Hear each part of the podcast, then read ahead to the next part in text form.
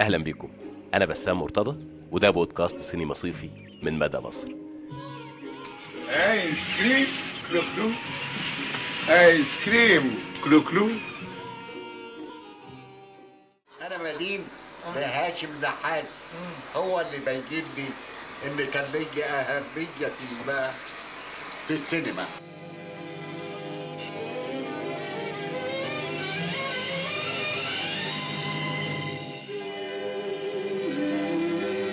احتفت سينما زاوية الفترة دي بسينما نجيب محفوظ في مهرجان اتسمى باسمه مهرجان سينما نجيب محفوظ.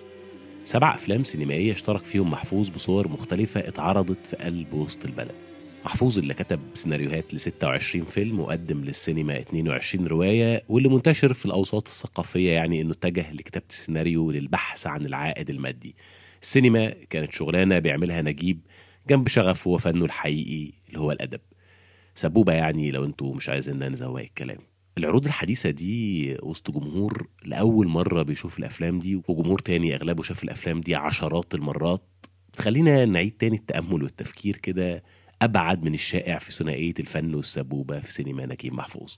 عن إيه اللي كانت بتمثله السينما لنجيب نفسه؟ عن الفرصة لرؤية أثر نجيب في المدارس السينمائية في مصر عن أثره في تطوير فن السيناريو عن التيمات اللي هو كان بيتحرك حواليها في السينما عن ثنائية العدل والقوة عن فضوله تجاه ازدواج الشخصيات.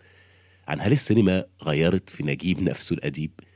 هل السينما عند نجيب فعلا كانت مجرد سبوبة ولا أبعد من كده؟ ده موضوع حلقتنا في بودكاست سينما صيفي من مدى مصر. الحلقة اللي بيشاركني فيها اتنين من اللي شغلهم ما بين عالم الكتابة الأدبية وكتابة السيناريوهات وهم السيناريست والكاتبة يمنى خطاب والكاتب والسيناريست محمد الحاج. الحلقة دي مهداة للكاتبة أهداف سويف. الإهداء اللي هيتم تفسيره أكتر في آخر دقايق في الحلقة.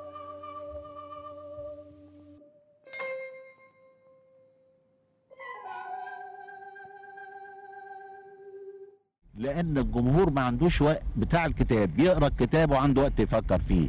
اللي بيشوف فيلم ما عندوش وقت يفكر فيه بعد ما يطلع من السينما.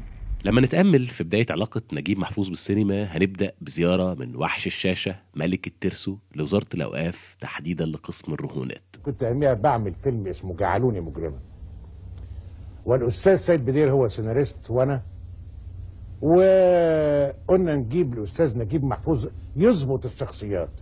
لأن لما تقرأ لنجيب محفوظ في معظم رواياته إزاي بيرسم الشخصية حتى في القعدة. حتى في المسكه حتى في الرجل على رجل حتى في الطربوش حتى في المنشه فجبناه واتفقت معاه على 100 جنيه لأن أنا المنتج وديته 25 جنيه عند التوقيع. وفي أول الشغل 25 ونص الشغل وآخر الشغل. وكنا قعدنا نجتمع في محل الشراء دلوقتي حاجة اسمها كازينو بديعة. كنا بنجتمع أنا وهو والسيد بدير ثلاث مرات في الأسبوع. وقعدنا ست سبع أشهر لغاية ما طلع جعلونا مجرما. وقريناه واتكتب خلاص على المكنة وميرسي قوي ورفار متشكرين يا أستاذ نجيب وخد فلوسه. لكن لقيته في آخر يوم حاطط في الظرف 100 جنيه اللي هو خدهم مني قلت له إيه يا أستاذ نجيب؟ يعني المبلغ قليل لأن المدة طالت. قال لي لا بالعكس. أنا اتعلمت منكم ومن الأستاذ سيد بدير ما هي عملية السيناريو. فأنا لو عندي فلوس ادفع لكم أكتر. لكن اللي لي لازم تاخده. وأقصى من يرد الفلوس وهو في حاجة في ذلك الوقت لل 100 جنيه. فهم حرفة السيناريو والدرس الأول اللي بيفتح بعد كده علاقة طويلة جدا لينا بنجيب محفوظ السينمائي الأديب المرموق والموظف الملتزم اللي بيجرب نفسه في حرفة وصنعة هيشوف بعد كده إنه قادر من خلالها يكسب صنعة جديدة ويفتح لنفسه أفق جديدة صحيح في التعبير لكن بالتأكيد كمان أفق مادية جديدة ولتحسين أوضاعه المادية. الحدوتة الطريفة اللي بيحكيها فريد شوقي يمكن يبقى ليها معاني تانية لو تأملنا في تاريخ إنتاج جعلوني مجرما إخراج عاطف سالم والمنتج في 1954 عشان نتفاجئ إنه نجيب نفسه كان عنده تجارب في المشاركة في الكتابة في رحلة صلاح أبو سيف في الثمان سنين السابقين اللي جعلوني مجرما. نجيب ساهم في الكتابة في مغامرات عنتر وعبلة سنة 47 سيناريو المنتقم عام 48 وكلها أفلام تجارية لصلاح أبو سيف. اللي قبل ما يحصل تلقي مختلف كده بين صلاح ونجيب صلاح ساعتها كان بيدور على نفسه على صوته على أسلوبه الفني. اللي بيلاقيه في فيلمه الثالث ليه مع نجيب ليك يوم يا ظالم سنة 51 اللي نجيب اشترك مع أبو سيف ساعتها في كتابة السيناريو علشان تبدأ تتبلور مفهوم الواقعية عند صلاح أبو سيف. أو بالأحرى تأثير واقعية محفوظ في الأدب على واقعية أبو سيف في السينما على حد وصف الناقد سمير فريد. طمني يا دكتور. والله ما اخبيش عليك الحالة خطيرة. لكن تجيبوا الدواء ده وتديله حالا كل نص ساعة. إذا طلع عليه النهار يبقى فيه أمل. عشر نقط على شوية مية. عشر نقط. مش أكتر مش أقل. مع الفيلمين اللي بعد كده لابو سيف رايا وسكينة 53 والوحش 54 محفوظ اشترك في كتابة القصة واشترك كمان في كتابة السيناريو علشان توضح بالكامل هنا بقى ملامح الواقعية عند صلاح أبو سيف ويؤسس لمدرسة سينمائية بنشير ليها بالسينما الواقعية. في نهاية في الأربعينات ما كان كان المخرج هو اللي بيعمل التتابع ويجيب واحد بتاع حوار ويعمله نجيب محفوظ دخول نجيب محفوظ في السينما.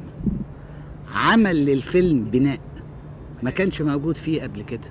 ده توفيق صالح. صاحب فيلم ضرب المهابيل مع نجيب محفوظ واحد من أهم ورواد مخرجي الواقعية في مصر رغم إنتاجه القليل.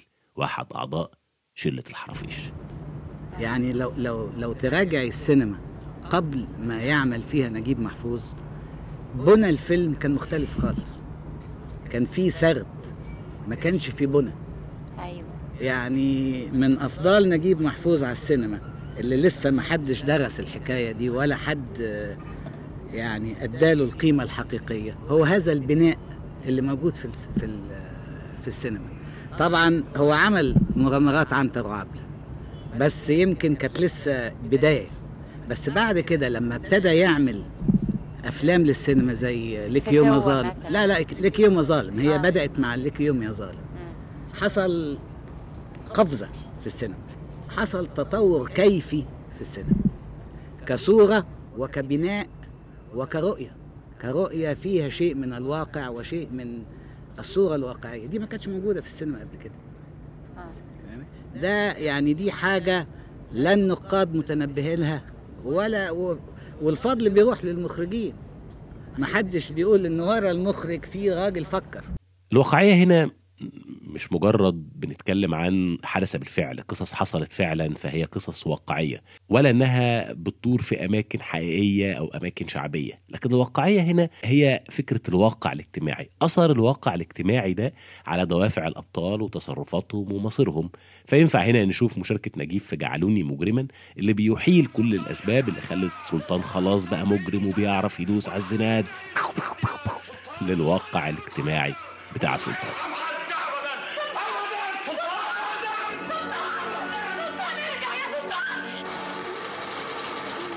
الفيلم اللي وحش الشاشة قال إن محفوظ رفض ياخد فلوسه وإن محفوظ عبر أكتر من مرة عن عدم رضاه قوي عن الفيلم المباشر جدا. بس كمان المهم في تاريخ الفيلم ده هو إن دي المرحلة اللي ابتدى فعلا محفوظ من بعدها يحترف الكتابة السينمائية وتتحول تقريبا لشغلانته الرئيسية. من فيلم أيقوني ممكن تشوف إن أضعف ما فيه طريقة السرد وتتابع الدراما والتحليل الاجتماعي لكنه فيلم شعبي فعلا بيصنع أساطير جماهيرية وبيصنع اسطى سيناريو اسمه نجيب محفوظ.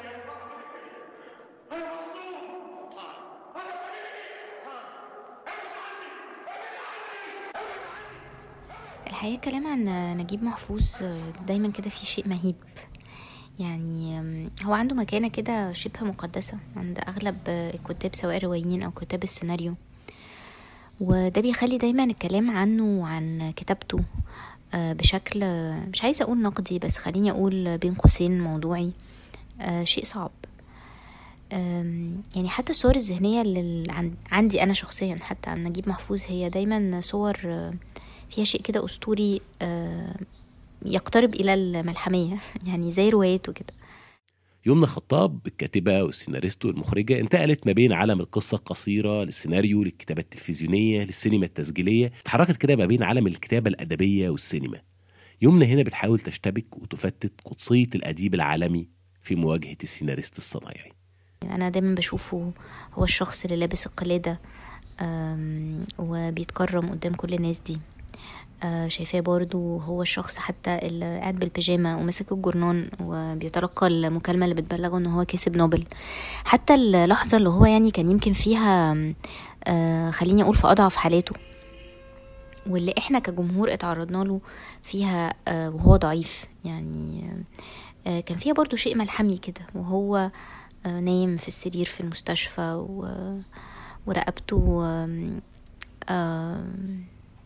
ملفوفة كده بشاش آه، وإحنا عارفين إن هي من ساعة واحدة الرقبة دي كان فيها آه، خنجر. يعني أحب أستخدم كلمة خنجر زي آه، زي في روايات الفتوات بتاعته كلها. فهو دايما كده في شيء ملحمي بيخلي القرب منه والفرجة على أفلامه وإعادة مشاهدتها هي شيء مش مش سهل. بس الحقيقة الأسبوع اللي زاوية عملته بالتعاون مع مكتبة الديوان خلى الواحد كده يفكر شوية بشكل مختلف يمكن آه، في نجيب محفوظ السيناريست.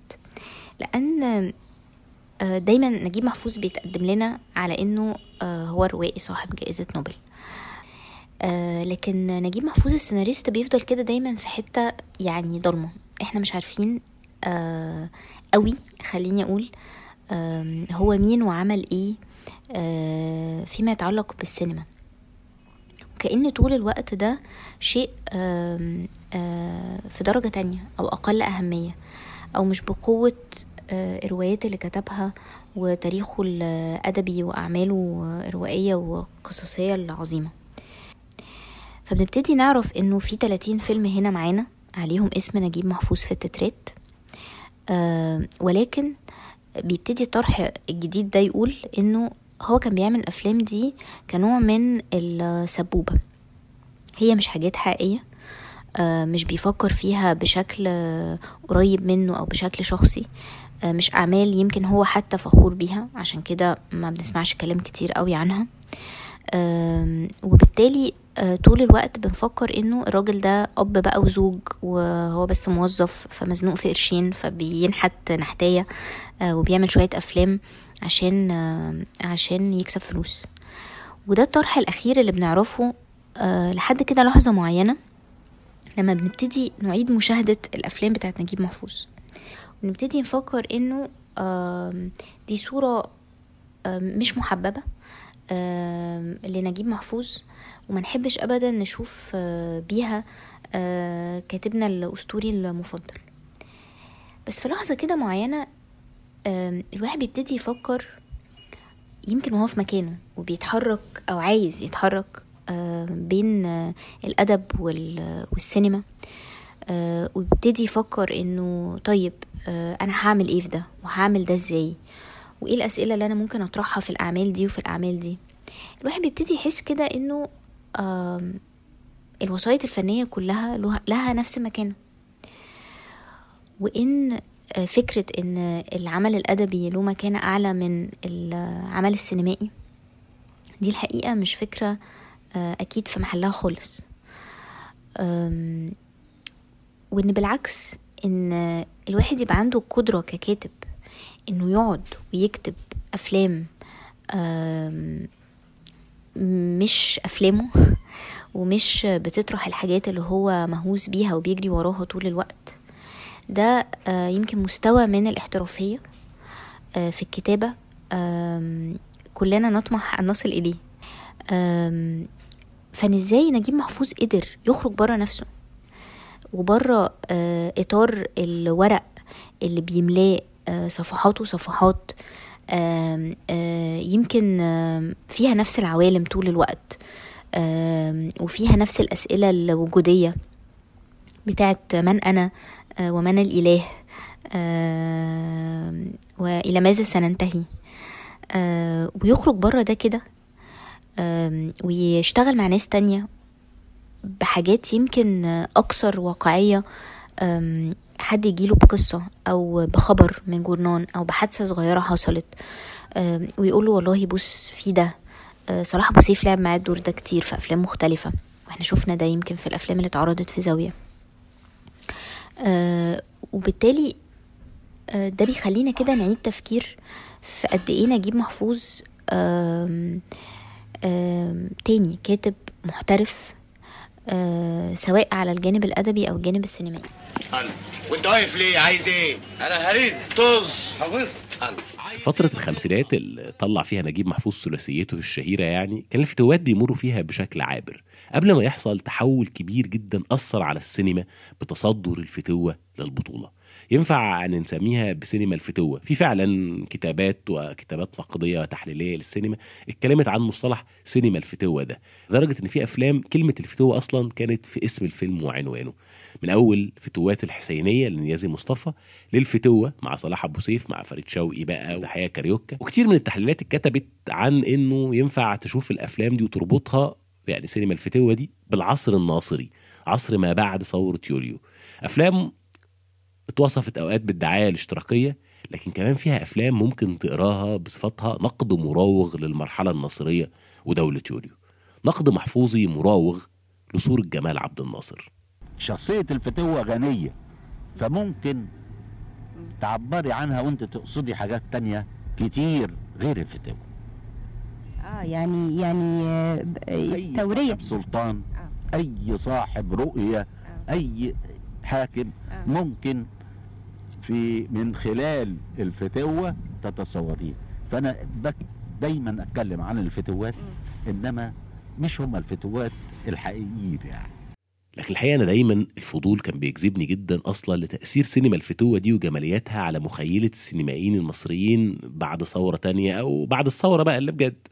يعني تحديدا في سينما محمد رمضان ما بعد 2011 اختلاف الدوافع والجماليات والعوالم ما بعد انهيار عالم القديم كده ظني إنه ممكن يفتح باب ساري جدا للتأمل والتفكير سينمائيا. عامل لي راجل وبتحمي بتاع الترمس. وريني هتعمل إيه يا ابن حليمه البركة. الحارة دي ما فيهاش غير واحد بس يحمي اللي فيها. وانت عارف هو مين.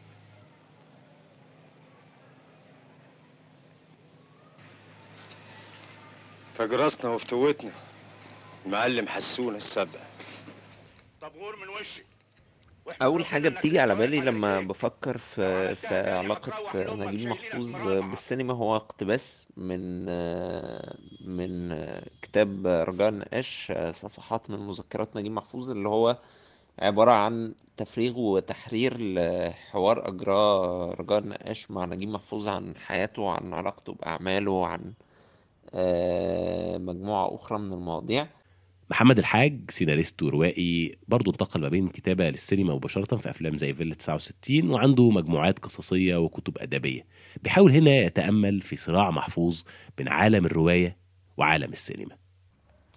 في الكتاب ده آه آه نجيب محفوظ بيقول نصا في صفحة 130 في النسخة الصادرة من دار الشروق. وبعد فترة اكتشفت استحالة استمرار الاستمرار في هذا الميدان. فقد وجدت أن عملية الكتابة للسينما تقوم على جهد جماعي وأنني لست حر التصرف مثل ما هو الحال في الروايات فهناك قيود كثيرة تكبل حركتك ولا تعطيك الفرصة لأن تكتب ما تريد. هناك شروط المنتج والموزع الخارجي والمخرج بالإضافة إلى الشرط الأهم وهو الجمهور ومطالبه ورغباته وبعد كده بيقول إنه تحولت نظرتي بعد ما بيتكلم يعني عن إن هو اضطر ينقطع فترة عن العمل في, في السينما وقت ما خد الوظيفة بتاعت الرقابة.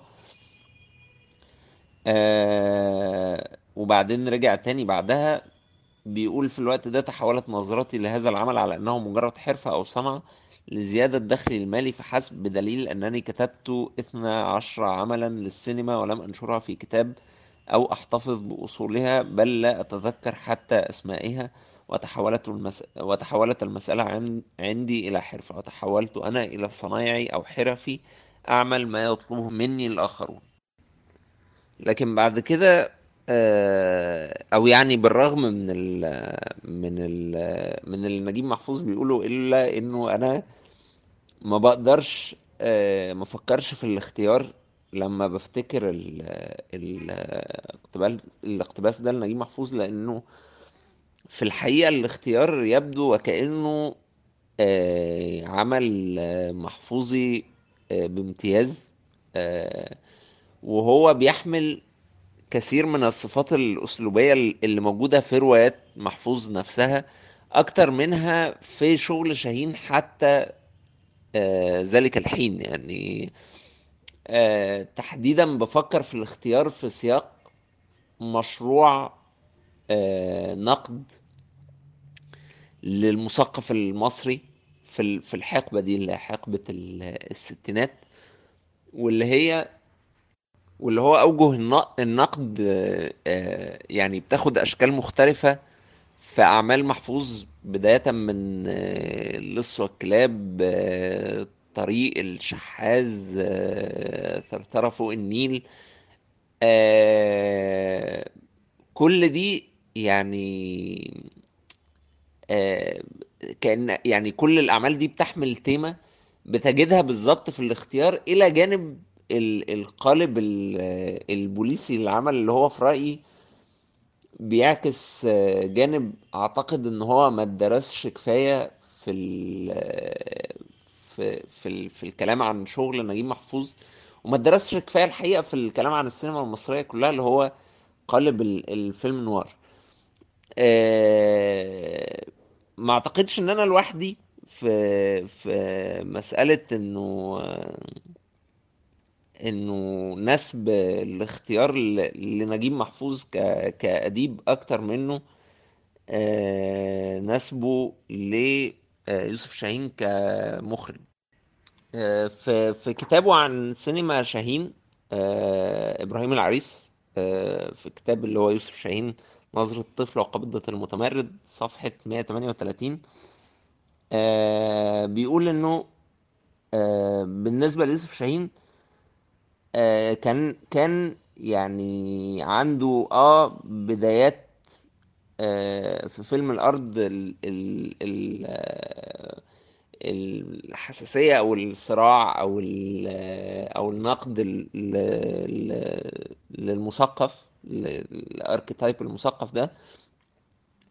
لكنه نجيب محفوظ آه، كان أكثر عمقا في وأكثر جذرية وأكثر اتهامية بتعبير إبراهيم العريس في رواياته في رواياته السابقة على الاختيار زي الطريق وزي السمان والخريف وزي اللص والكلاب.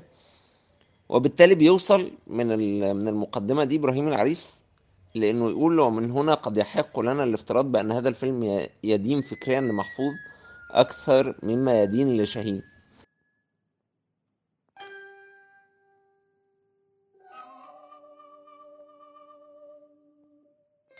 في قصة مروية عن بنت نجيب محفوظ بتتكلم عن ولعه بقراية أجاثا كريستي ورواياتها البوليسية وإنه كان في المصايف كان بيخاف من نظرات الناس اللي بتقلل من قيمة الروايات البوليسية دي وشغل أجاثا فكان بيخبي الروايات دي وسط كتب تانية زي ما كتير مننا يعني هنا كان بيعمل في ميكي وعبير ويحطها في وسط كتب المذاكرة. وهنلاقي أثر ده في أفلام محفوظ فيما يخص جانب الجريمة.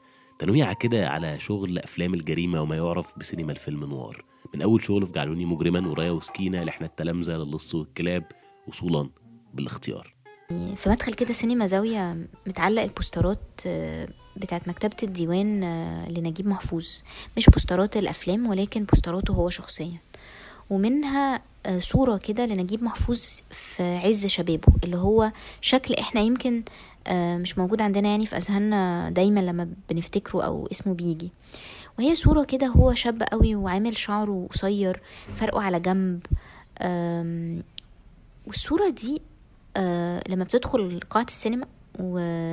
والفيلم يبتدي وعلى التترات بنشوف وش عزة العلايلي آه في فيلم الاختيار أنت بتحس إن حتى بصريا عزة العلايلي شبه قوي قوي آه صورة نجيب محفوظ دي. نفس الشكل نفس البدلة نفس آه، قصة الشعر نفس فورمة الشعر. وفي حاجة في البروفيل كده بينهم هما الاتنين آه، أعتقد إنه كان مقصود قوي من يوسف شاهين إن يخلي شخصية سيد هي شبه قوي يعني نسخة من صور نجيب محفوظ اللي مش معروفة قوي في أذهاننا. يمكن وهو يعني شاب أكتر يعني فهي حاجة أجيالنا ما شافتهاش آه، بشكل واضح يعني. وده بيخليني أحس إنه فيلم الاختيار هو يمكن أقرب حاجة لنجيب محفوظ أقرب من كل الروايات اللي هو كتبها. لأنه إحنا عندنا ده معانا معانا الكاتب المرموق الروائي صاحب ال ال الكتب الأدبية والروايات المسرحية الشهيرة آه، اللي بيتعامل مع أكبر رجال في الدولة واللي واخد مناصب مهمة في الدولة بل ويطمح لمناصب أكتر فيها. الزوج اللي هو يمكن بعيد عن زوجته ودي حاجة بتتقال كتير جدا في الحياة الأسرية نجيب محفوظ في النميمة يعني وال... والرغي كتير عن هو كان عامل إزاي كزوج وأب. وفي نفس الوقت في الصعلوق ده اللي هو نسخة تانية توأم. شبيهة مية في المية من الكاتب ده. الصعلوق اللي عايش في العوالم اللي هي عوالم نجيب محفوظ في روايته ودايما بنتساءل هو بالفعل راح للعوالم دي ولا دي حاجات هو كان نفسه يروح لها ولا دي حاجات حد حكاله عنها فهو كان بيكتبها؟ هل هو عايش الحياة دي الحياة الليلية الصاخبة المليانة عوالم ورقص وغنى وحرية وأسئلة وجودية كتير. آه، هل هو عايش ده فعلا؟ ولا ده كان شيء طول الوقت هو نفسه يروح له أو بيتخيله أو أو بيحاول يبقى هو؟ فبالرغم إن العوالم دي موجودة في روايات كتير جدا ليه طبعا أشهرها تاني الثلاثية بس كمان هو أول مرة يقرب العوالم دي من الشخصية ال- الأصلية بتاعته شخصية الكاتب الأديب رجل الدولة اللي عنده أخ توأم نسخة مطابقة منه بحيث إنه مفيش تقريبا فرق بين الاتنين. آه والنسخة التانية دي هي بتعيش وتحيا في هذا العالم اللي هو في الفيلم بيقول لنا إنه عالم آه أسعد وأرحب وأكثر حرية. ويقدر فيه يسأل أسئلة زي إيه هو الحب؟ إيه هو الحرية؟ إيه هي الحقيقة؟ وإيه هو البحر؟ المفروض إن البحار من أول الرواية هو راجل. صحيح جاف ومتحرر شوية لكن قلبه صافي امين لمجرد إن الشخصية مخالفة للتقاليد لو بنحكم عليها بالشكل ده. حرام. حرام يا أبو زهرة. البحار ده طيب. أحسن حاجة فينا البحار. خش جواك هتلاقي البحار. انت البحار انت البحار يا ابو زهر. أحلى حاجة فيك البحار. تخنقه ليه؟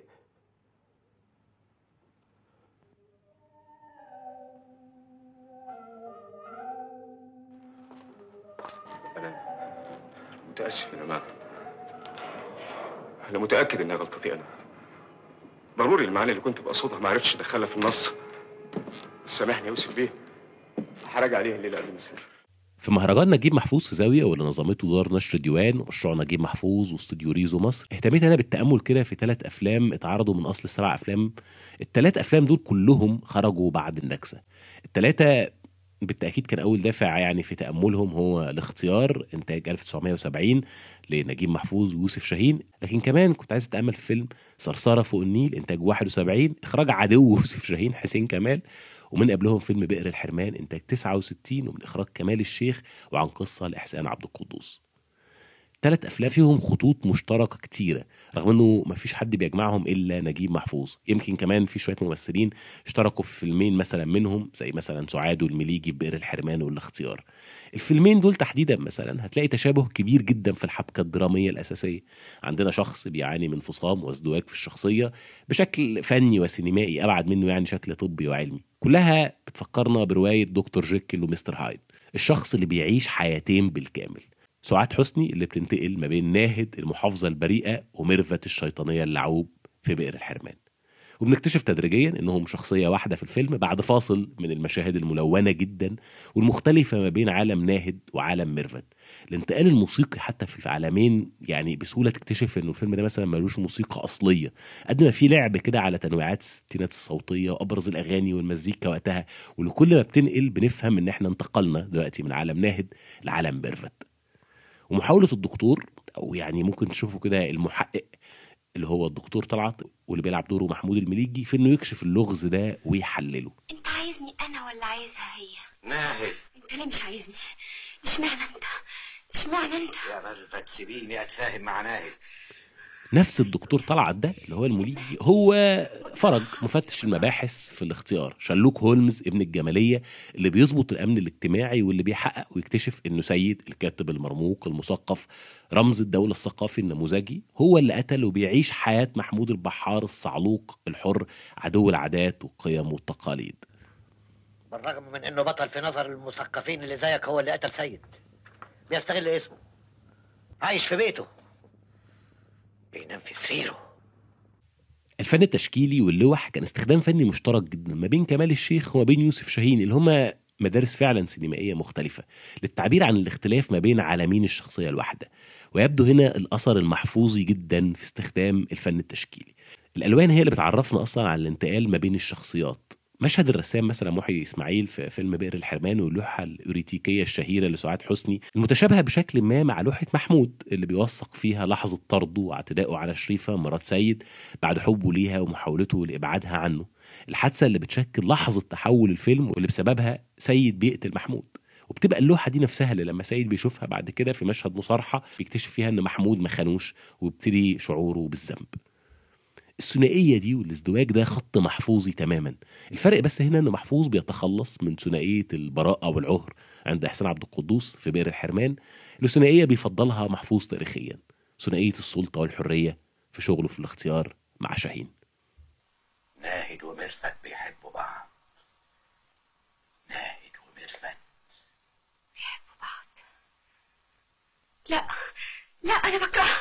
دي عايزه تموتني وأنا ما عملتلهاش حاجة. أنا من وجهة نظري السيناريوهات آه، أو حتى المعالجات السينمائية اللي نجيب محفوظ كتبها آه، لروايات إحسان عبد القدوس بالتحديد هي أضافت كتير جدا جدا آه، لروايات.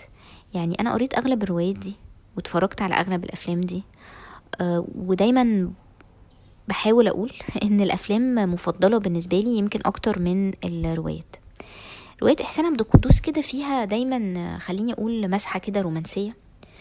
والمسحة دي آه، بحس إن نجيب محفوظ بيجيبها كده ويعمل لها رجلين طوال تقال آه، ويحطها على الأرض فتبقى آه، أشياء واقعية ماشية على الأرض نقدر نحس بيها ون... ونقرب منها ونشوف فيها يمكن أوقات كتير قوي نفسنا ويمكن أعمال إحسان عبد القدوس آه، ما كانش فيها السؤال اللي دايما موجود في كل الحاجات اللي اشتغل عليها نجيب محفوظ اللي هي السؤال الأساسي ده اللي هو أنا مين؟ أنا مين؟ أنا عايزة أبقى مين؟ وأنا رايحة على فين؟ وأنا دوري إيه في الحياة؟ ف فبالرغم من إن مفيش فرق كبير قوي في رواية أنا حرة عن الفيلم من ناحية خليني أقول الأحداث والبنى السردي. بس السؤال ده كان مطروح بقوة جدا آه، في الفيلم يمكن أكتر منه في الرواية. برجع تاني أفكر في حاجة زي حتى إمبراطورية ميم. آه، الأم دي الممزقة بين رغبتها إنها تبقى آه، زوجة محبة ليها حياة مستقلة. وبين دورها كأم. وأيا كانت النهاية النتيجة النهائية يعني أو هما كده كمجموعة من الرجال قرروا ينتصروا لمين على مين. بس في الآخر في لحظة معينة السؤال آه، بتاع البطلة أنا مين وعايزة إيه؟ ده سؤال كان مطروح بقوة جدا جوه الفيلم. آه، السؤال ده ما بيبقاش بالشكل ده آه، جوه الرواية. نفس الحاجة مثلا في بئر الحرمان. يعني الصراع قوي قوي. اللي هو يعني واضح بشكل حتى بصري يعني إنه في الآخر هو نفس الشخص بس آه، أو نفس الشخصية بس إحنا بنشوفها آه، مرة بشكل معين ومرة تاني بشكل معين تاني والاتنين مش شبه بعض خالص. و- وفي كده صراع قوي قوي آه، جوه شخصية آه، البطلة. آه، والسؤال مطروح بشكل قوي سؤال أنا مين؟ في الرواية يمكن ما كانش ده ما كانش ده الشيء الأساسي. كانت العقدة النفسية أو آم، خليني أقول التاريخ العائلي للبطلة كل دي كانت حاجات في الصدارة قوي في الرواية آه، عن آه، الطريقة اللي نجيب محفوظ يعني بعصا سحرية كده أضافها آه، جوه السيناريو نفسه بتاع الفيلم. محمود. ولما أقابل اللي زيك عايز أكون سكران. أنا القانون. أنا النظام. أنت الكذب. الكذب! الصراحة أنا شخصيا مش من هواة قوي الثنائيات الحادة دي. لا في ناهد وميرفت ولا قوي في سعيد ومحمود. وعلشان كده لفت انتباهي صراع لثنائية أقل انفجارا في الاختيار. وظني إن واحد من أهم منجزات الفيلم وهي ثنائية الضابط رؤوف اللي بيلعب دور سيف عبد الرحمن والمفتش فرج محمود المليجي شيء مربك جدا في علاقتهم. اختلاف العمر والحكم والمنظومة الأخلاقية الانحيازات الطبقية توتر جسدي وحسي واضح بالاتنين في مشهد المليجي بيقول له فيه بشكل واضح كده وصريح إحنا الصبح ما بنعرفش نقعد سوا ونتكلم. التوتر الجسدي الواضح بينهم وبين حركتهم وحوالين بعض. المليجي بيقرب يقعد جنبه على المكتب رؤوف بيقوم ويبعد بجسمه. مشهد زيارة أصلا فرج لرؤوف في البيت وسيف عبد الرحمن لابس الفوطة وبعدين بيتفاجئ بإنه حبيبته عنده التوتر الثلاثي ده كله بينهم. عبادة تبقى عايزة إيه أكتر من كده؟ عايزة زوج مش عبد. عايزة راجل يشبع. الظاهر إن شباب الأيام دي ما عندوش أي إحساس بالعيب. والله أكبر عيب في الدنيا إن الواحد يضحك على نفسه. الغموض أصلا وعدم الكشف على الرغم من الاختيار من أكتر الأفلام اللي الحوار فيه بيقول كل شيء عن الشخصيات يعني كل شخصية بتعبر عن نفسها وعن أحلامها وعن أسئلتها وعن هواجسها. لكن الشخصيتين دول بينهم شيء ما صامت طول الوقت بينهم شيء ما خفي. وجملة الحوار الشهيرة بينهم هم قاعدين مع بعض بتكشف الشيء الخفي ده. الجملة الشهيرة لشكسبير من هاملت واللي بتأكد أصلا التأثير الشهيني في الخط ده. هناك أشياء كثيرة. تقصد إيه لما قلت لي إن هناك أشياء بين السماء والأرض تفوق ما أعرفش إيه وإيه. دي عبارة من شكسبير. معناها إن الناس من جوه مختلفة عن بعض ما يجيبش الواحد يحكم. يعني أنت ما بتحكمش بالظواهر؟ ما افتكرش. يعني تقدر تخمن مثلا أنا؟ هي كتب سيد دي. لا كمل. أقدر أخمن إيه؟ ولا حاجة. أتكلم. خليك بسيط. إحنا كلنا لبعض. ظن إن دي اللحظة اللي السينما فيها بتبقى عمل جماعي. الخطوط بتسيح فيها جدا ما بين نجيب وشاهين. ما تبقاش عارف فعلا مين اللي كتب ده ومين اللي أخرج ده. التوتر اللي نجيب هرب منه طول عمره. إحساسه بإن الفيلم ده ما هواش ملكه. ما هواش منتجه لوحده. واللي كان ظني بيخليه يهرب ان يقول السينما بالنسبة لي مجرد أكل عيش. اللحظة دي هي اللي طلعت الخط التاريخي ده في السينما. واللحظة النادرة دي. حتى لو الأستاذ بحجم نجيب ما قدرش يلمس المنجز ده. الكتابة التشاركية ده شيء مش سهل أبدا. وبيحتاج آه، خليني أقول تواضع آه، وسماحة وترحيب آه، بناس هم مختلفين جدا عنك. وإن حد زي نجيب محفوظ في هذه المكانة وجاي من عالم أدبي اللي هو الكتابة فيه شخصية جدا بس كمان منفردة جدا ويقدر إن هو يتعاون مع آه، كل الكتاب دول في كتابة أفلام آه، آم، يعني محكمة بالشكل ده. يعني أقصد إن الكتابة التشاركية دي أثبتت أصلا نجاحها. فده بيقول كمان كتير جدا عن شخصه وعن احترافيته في الكتابة. بس كمان فكرت إنه بشكل يعني رومانسي شوية كده إن ده يمكن كان ملجأ ليه في أوقات كتير من آه، من الوحدة اللي بتعملها آه، كتابة آه، الأدب. لأن الكتابة الأدبية هي كتابة وحيدة جدا. الشخص قاعد لوحده آه، محبوس كده في أوراق فاضية بيضة وأفكار كتير قوي جوه مخه وشخصيات طول الوقت بتتكلم وهو محتاج إن هو ينقل ده بشكل منفرد تماما ويعتمد على نفسه تماما في إن هو ينقل ده على على الورق. والروتين آه، المعروف جدا الخاص بطريقة كتابة نجيب محفوظ. آه، بيصحى الصبح الساعة كذا بيدخل المكتب بتاعه يقفل الباب على نفسه يقعد من الساعة كذا للساعة كذا. آه، على قد ما ده شيء بيتصدر لنا على إنه يعني أسطوري بس هو شيء وحيد جدا. و... وإحنا ككتاب لما جربنا نعمل ده يعني أغلب الوقت ما كتبناش حاجة أصلا. فبفكر إنه إن الشيء التشاركي ده في عالم السينما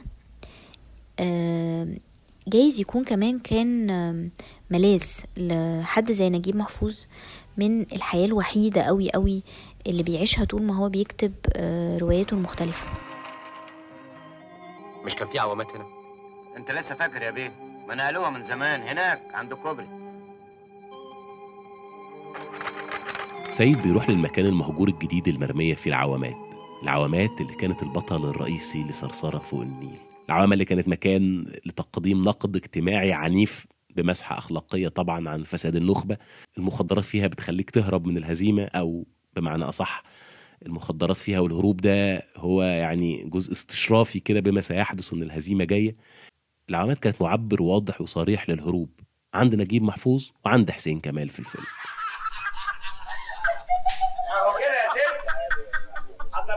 يا عمار حاضر يا انت عارفه الفلاحة ماتت ليه؟ ليه؟ علشان كانت ماشية فايقة بس في الاختيار كتير من الأحكام الأخلاقية دي شوية بتقع حتى لما بيحصل في العوامات دي أبشع التصرفات من محمود تجاه شريف بس العوامة ما بقتش مكان يصلح للهروب لأنه في نهاية الرحلة بتقابل أبشع شيء في النص المحفوظي أنتوا كلكم أنتوا عارفين الواحد بيقابل مين في آخر رحلة؟ رحلة حوالين العالم في الفضاء. مين؟ قول مين؟ يا محمود. ربنا. الشيطان. لا أقبح. أقبح من الشيطان. الواحد بيقابل نفسه.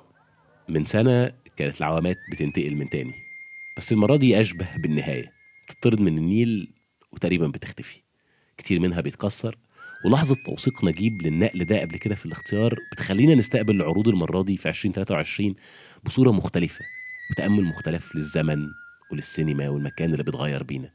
السينما اللي شفنا فيها نجيب أقل حكمة وثقة. يمكن ناس من جمهور محفوظ الأديب الأسطوري بتشوفه يعني أقل إبداعا فيها لكن بالنسبة لي كان أكتر جدل وتنوع وقدرة على المشاركة. فيها اتعرفت على نجيب أكثر طيبة وارتباك.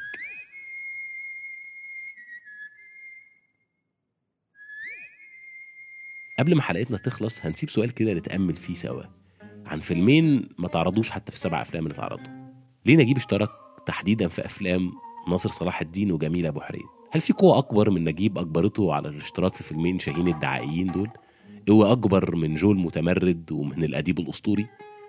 أظن بعد السؤال ده حلو قوي كده وحلقتنا خلصت لأول مرة تيجي هنا نحب قوي ترجع وتسمع الحلقات اللي فاتتك وتستنى معانا الحلقات الجديدة من سينما صيفي من مدى مصر نودعكم مع يسرا الهواري ونانسي منير اللي عزفوا لحن سينمائي جدا في وداع عوامات النيل السكنية اللي عشقها نجيب وحلم يسكن فيها.